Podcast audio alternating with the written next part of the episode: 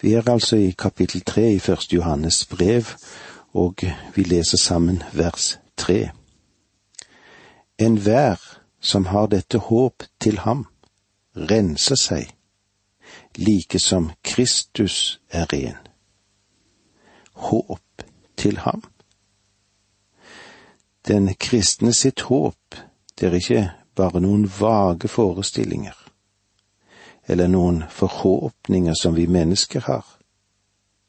Og det er heller ikke slik som det av og til blir sagt, det vil helst gå godt. Nei, det som vi har foran oss her, det bygger på en solid og sikker grunn. Håp til ham. Håp til Kristus. Dette til kan òg på en måte bety på. Håpet vårt bygger på ham den grunnen som holder. Han, Jesus, renser seg selv, han er jo ren. Det eneste renselsesmiddel som har betydning for eh, oss, det er det som vi har i syndtilgivelsens middel. Jesu, Guds sønns blod, renser oss for all synd. Det er ingen som vet dette bedre enn Johannes. Kanskje vi skal også se i åpenbaringen 7, 14 og 15. Herre, svarte jeg, du vet det. Da sa han til meg, dette er de som kommer ut av den store trengsel, og som har vasket sine klær og gjort dem hvite i lammets blod. Derfor står de nå for Guds trone og tjener ham dag og natt i hans tempel, og han som sitter på tronen skal reise sin bolig over dem. Her er det altså ikke snakk om noen selvlaget erstatning for frelsesverket og renselsen. Selvrensing hos Johannes er bare et annet uttrykk for den daglige kamp mot synden som finnes i våre liv. Vandringen i lyset, som han berørte litt tidligere i dette brevet. Like som Han er ren, altså like som Kristus er ren, en kristen kan ikke leve i skitten når han som han skal leve sammen med for evig alltid hver dag, Jesus Kristus er ren. Skal vi leve med ham, må det være en renselse for hver dag som går, og vi trenger daglig tilgivelse og renselse i Jesu blod. En dag så skal vi nå vårt mål. Vi skal nå det nye Jerusalem, der vi skal leve vi kommer til å være til stede der, og han skal tørke bort hver tåre. Tenk det. Ingen sorg skal være mer. Ingen lidelse heller. Alt som er der, er herlig. Men det mest vidunderlige slår meg når vi leser i Åpenbaringen 21 og han sier, Se, jeg gjør alle ting nye. Og det må jeg få lov å si, dette liker jeg. Se, jeg gjør alle ting nye. Nå vet jeg ikke hvordan du har det. Jeg kan jo bare tale for meg selv. Men jeg må ærlig bekjenne og innrømme, jeg har aldri vært riktig den mannen som jeg ønsket å være. Når jeg begynner òg å nå den alderen som jeg antar at en mann begynner å drømme litt, og når, når jeg òg ser tilbake over livet mitt, så ser jeg at jeg har aldri vært en mann som jeg ønsket at jeg skulle ha vært. Og jeg har aldri heller vært den person som jeg håpet jeg skulle vært, og den formidleren av Guds ord som jeg skulle ha vært. Jeg har aldri holdt den preken som jeg ønsket å holde. Menneskene rundt meg de har vært greie med meg og sagt mange gode og hyggelige ting og det er jo godt å høre, og det setter en pris på. Men jeg vet så inderlig vel i mitt hjerte at jeg skulle ha gjort det så mye, mye bedre. Jeg har heller vel aldri vært den ektefellen som jeg skulle ønsket at jeg kunne ha vært. Og av og til når jeg sitter og ser på kona mi i smugg, og det hender rett som det er at jeg gjør, så blander denne sørgmodige tanken seg inn i gleden over kona mi. Jeg skulle ønske at jeg hadde vært en bedre ektemake for deg enn jeg har vært. Jeg burde jo selvsagt ha vært det. og jeg har aldri vært den far jeg innerst, innerst inne skulle ønske at jeg kunne ha vært. Og av og til så prøver jeg kanskje å være noe mer for mine barnebarn enn jeg ble for mine barn. Men tro om jeg lykkes der, da. Jeg har egentlig aldri nådd mitt mål. Men jeg er dypt takknemlig til Gud for hans ledelse gjennom livet. Han har vært god mot meg på alle måter, og jeg fryder meg over det faktum at han har gitt meg en tjeneste som selv de høyststående i samfunnet kunne misunne meg. Jeg hadde aldri trodd at han ville gitt meg en slik tjeneste, men det har han gjort. Jeg har ennå ikke nådd målet mitt, men han sier, Jeg, se, jeg gjør alle ting nye. Og han sier, Åge Nevland, og det sier han til deg også, du som sitter og hører på. Vi skal være i stand til å starte helt på nytt. Du skal virkelig komme til å leve et evig liv, og du skal nå dine mål. Er ikke dette noe helt fantastisk, da? Å få lov til å vokse i nåde og kunnskap om ham? ikke bare i dette livet, men for all evighet. Hvilket fantastisk prospekt som rulles ut foran oss. Johannes han forteller oss her om den vidunderlige kjærlighet Faderen har til sine barn. Jeg ble frelst, jeg er frelst, og jeg skal bli frelst. Det blir en herlig dag når denne vandringen er sluttført, og derfor ber jeg dere, bli ikke skuffet over meg. Jeg kommer ikke til å bli skuffet over dere, for vi har jo det rette perspektiv, enhver som har dette håp til ham, renser seg, like som Kristus er ren. Men vi skal òg være klar over de to naturene i den troendes handling. I vers fire her i kapittel tre leser vi slik Den som synder, bryter loven, for synd er lovbrudd. La meg igjen få prøve å gi dere en bokstavelig tolkning av dette verset. Hver den som gjør synd, bedriver også lovløshet og synd er lovløshet.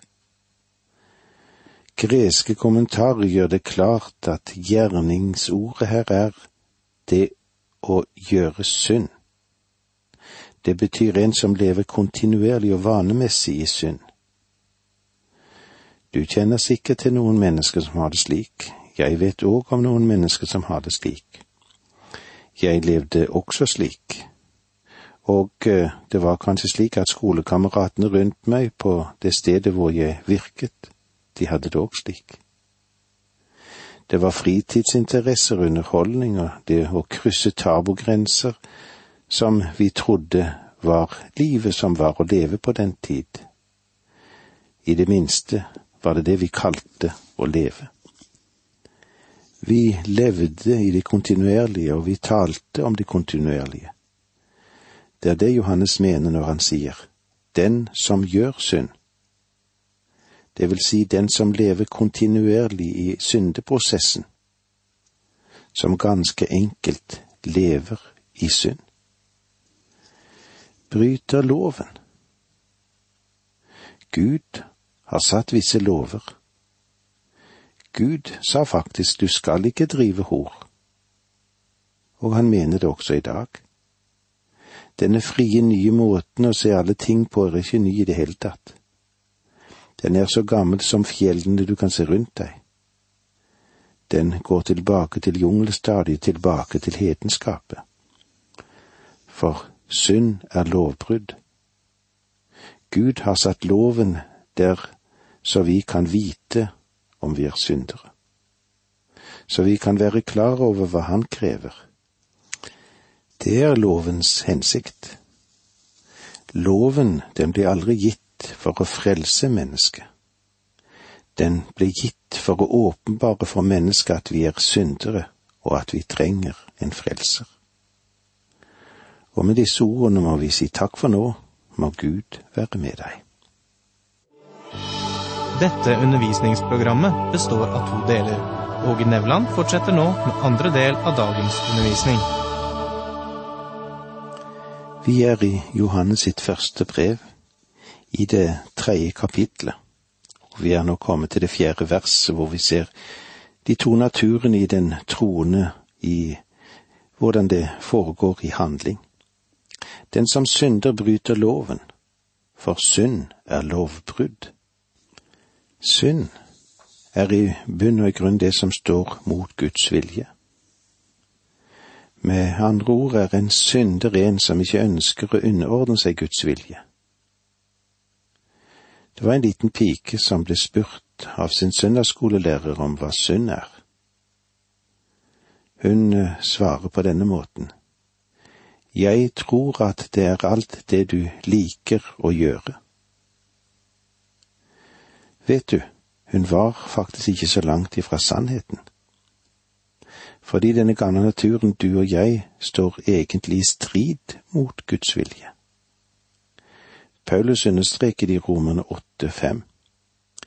De som lever etter sin syndige natur, er bare opptatt av det som hører mennesket til. Men de som lever etter Ånden, er opptatt av det som hører Ånden til. Så kommer spørsmålet. Hvordan lever du?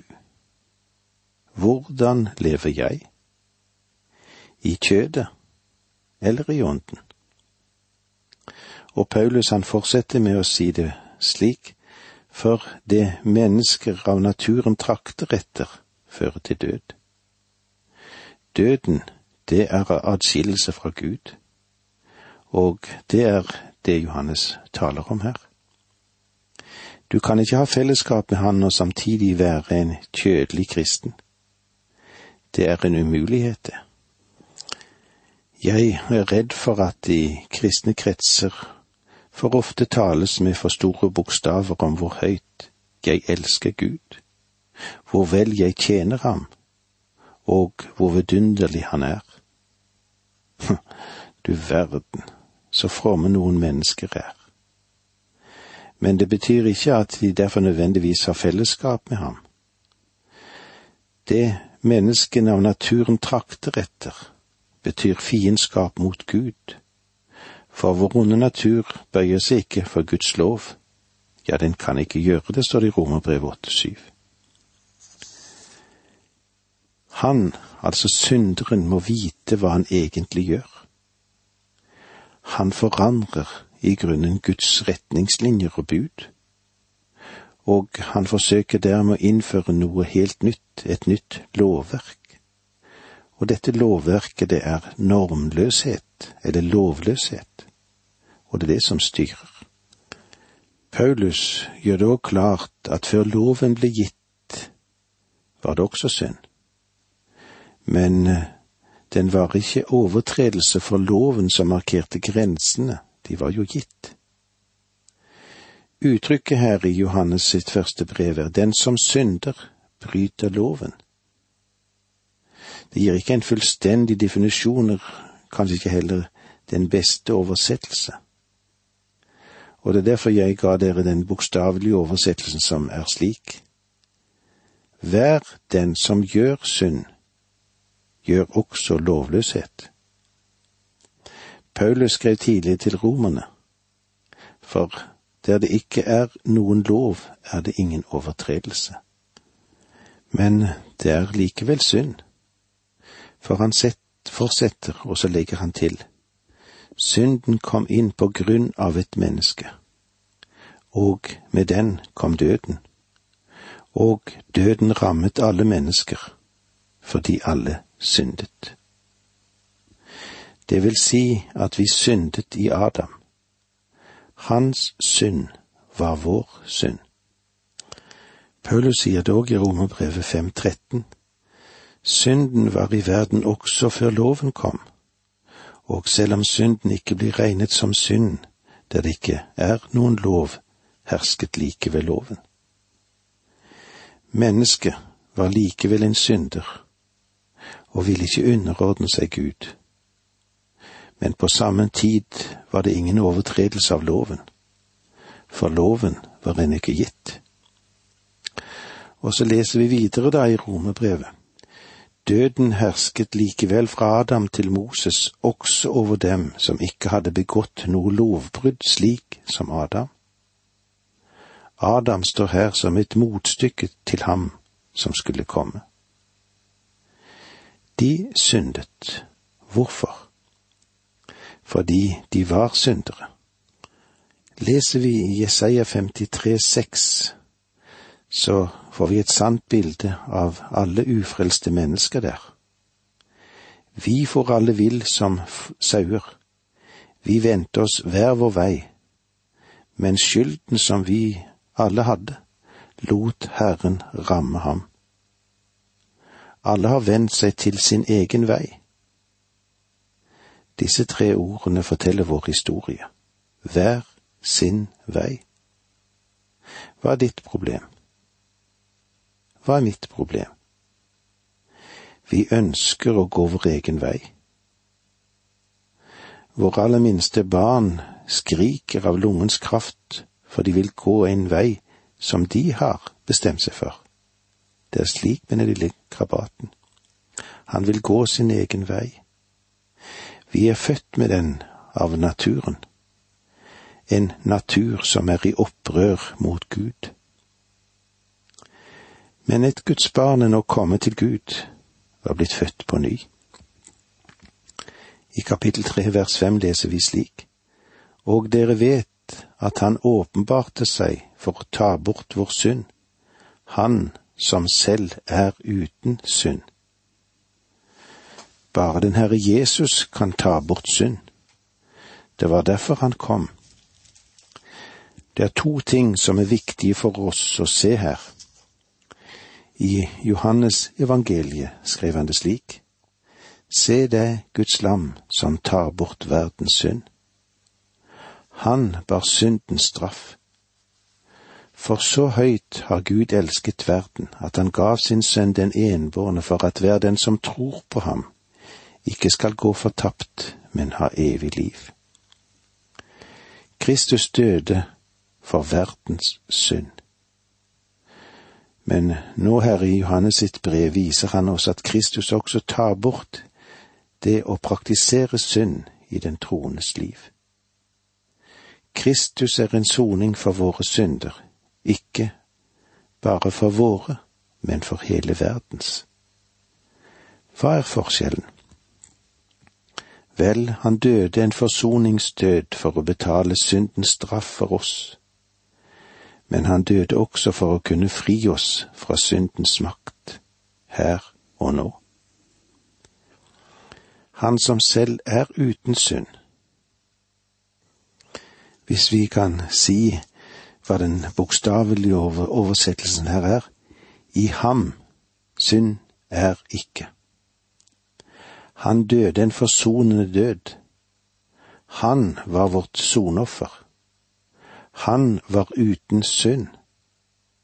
Han var uten plett eller lyte, som syndofferet er beskrevet for oss i Tredje Mosebok. Derfor er han også i stand til å ta bort syndens skyld og gi kraft til å fri oss ut fra den vane å synde.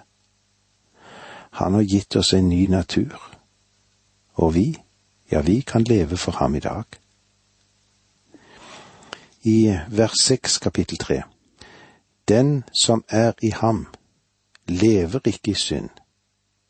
Den som synder, har ikke sett ham og ikke kjent ham. Den som er i ham, lever ikke i synd. Det vil si, han har fått en ny natur som ikke vil synde.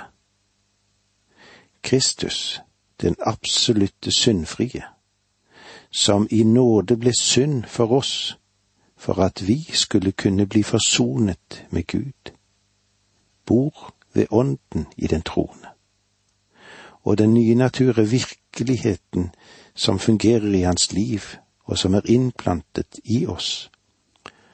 Om du er et Guds barn, så vil den nye natur ikke gå veien sammen med vår gamle natur og begå synd. Den troende som blir i Kristus, praktiserer ikke synd. Det vil si, han lever ikke i synden. Synderen lever i dem hele tiden, men Guds barn har fått en ny natur og kan ikke leve et syndefullt liv. Dette er beskrevet for oss i historien om den fortapte sønn slik vi finner den i Lukas 15, vers 11 til 24. Og det var bare griser som lever i grisebingen. Sønner gjør ikke det. Noen vil vel kanskje si, men sønn havnet jo i grisebingen. Ja, han gjorde nok det, men eh, han kom seg bort derfra. Det er det vi må huske på. Guds barne kan rote seg bort i grisebingen, men han vil ikke være der. Hvorfor?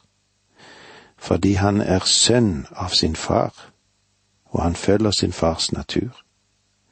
Hans far er rettferdig, og sønnen ønsker å leve det livet han også. Gud gir oss kraft til å fri oss fra den vane det er å synde. Og eh, det er det Johannes sier til oss hele tiden her. Den som er i ham, lever ikke i synd. Om du i ett og i alt kan være lykkelig i synden, så har du grunn til å spørre deg selv om du er et Guds barn.